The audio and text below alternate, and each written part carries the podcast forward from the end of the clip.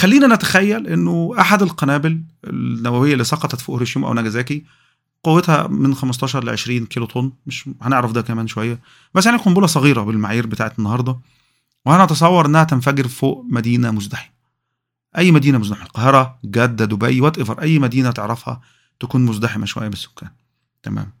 في أحد الكباري في منتصف المدينة على سبيل المثال آه لسبب سياسي ما قررت أحد الدول إلقاء قنبلة على هذه المدينة. تمام. أول شيء القنبلة النووية في الغالب لا تنفجر فوق سطح الأرض يعني ما تقعش على الأرض تلمس الأرض فتنفجر زي ال... زي القنابل بتاعت الأفلام لا بتنفجر على مسافة فوق سطح الأرض. تمام ده بي maximize القوة بتاعتها وأثرها على الجمهور بالمناسبة يعني أو على ال على ال على الناس تحت يعني. إنما لو انفجرت على الأرض أثرها بيبقى أضعف. بتنطلق القنبلة من الطائرة بيبقى فيها triggers إلكترونية أول ما بتلامس الهواء بتعرف إنها سقطت تلقائيا. وبعدين تنزل تنزل تستشعر المسافة بينها وبين الأرض وتحدد الارتفاع عن سطح الأرض وتنفجر آآ فوق سطح الأرض. في اللحظة التي تنفجر فيها القنبلة وهنتكلم عن آلية التفاعل النووي اللي بيحصل جوه القنبلة كمان شوية. في اللحظة التي تنفجر فيها هذه القنبلة بتنشأ كرة من النور. لو أنت على مسافة 20 كيلو مثلا 30 كيلو هتشوف إن في كرة من النور نشأت على مسافة بعيدة. دي بلازما حارة جدا. درجة حرارتها أعلى بأضعاف أضعاف درجة حرارة سطح الشمس. تمام؟ بتنشأ الكرة في اللحظة في كسر من الثانية. ما نتحدث عنه هو أقل من ثانية لسه. إحنا لسه بنتكلم في أقل من ثانية. تتمدد وتنتفخ هذه الكرة. تنتفخ تنتفخ لتشمل ما عرضه حوالي من 2 ل 4 كيلو متر كل ما سيتواجد داخل 4 كيلومتر دي مسافة كبيرة يا جماعة. 4 كيلومتر دي مسافة كبيرة. 4000 متر. كل ما يقع داخل هذه الكرة كل ما يقع داخل هذه الدائرة على الأرض سيموت. خليني أكون واضح أكتر أقول إنه هيتبخر. هيتبخر. مش هيبقى ليه وجود أصلا. مش هيبقى فيه جثث ندفنها. حتى الخرسانة ممكن تتبخر. الحيوانات الخشب كل شيء الشجر.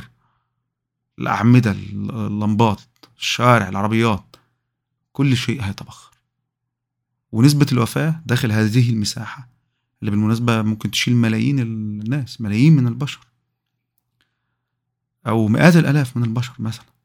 هيموت بنسبة 100% تمام؟ ولكن الأمر لا يتوقف عن هنا. وإحنا بنتكلم لا زلنا عن قنبلة صغيرة. الأمر لا يتوقف عند هذا الحد.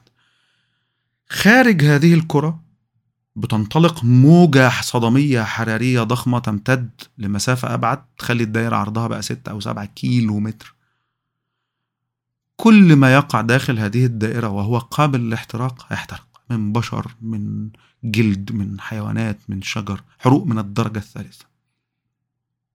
وتنطلق الموجة إحنا هنا خلال ثانيتين عدينا الثانية الأولى والثانية الثانية والثالثة دلوقتي. يصاب كل إلا اللي محصن بمترو مثلا اللي محصن في منزل والدنيا مقفولة خالص مفيش بيبان أو شبابيك قدامه حروق من الدرجة الثالثة ونسبة الوفاة من 40 ل 90% حسب الحالة. ولا يتوقف الأمر عند هذا الحد. تنطلق بعد ذلك موجة أشد من أشد العواصف والاعاصير اللي أنت تعرفها لنطاق يصل إلى ما بين 15 16 كيلو متر وانت طالع لحد 26 كيلو متر عرض. 26 كيلو متر عرض. ده مسافة ما بين مدينتين لو انت مسافر من بلد لبلد. تمام؟ نسبة الوفاة أقل بس كبيرة نسبيا. كل اللي هيتضرب هيموت لأن دي هواء ساخن بيتحرك بسرعة أقوى من أقوى الأعاصير.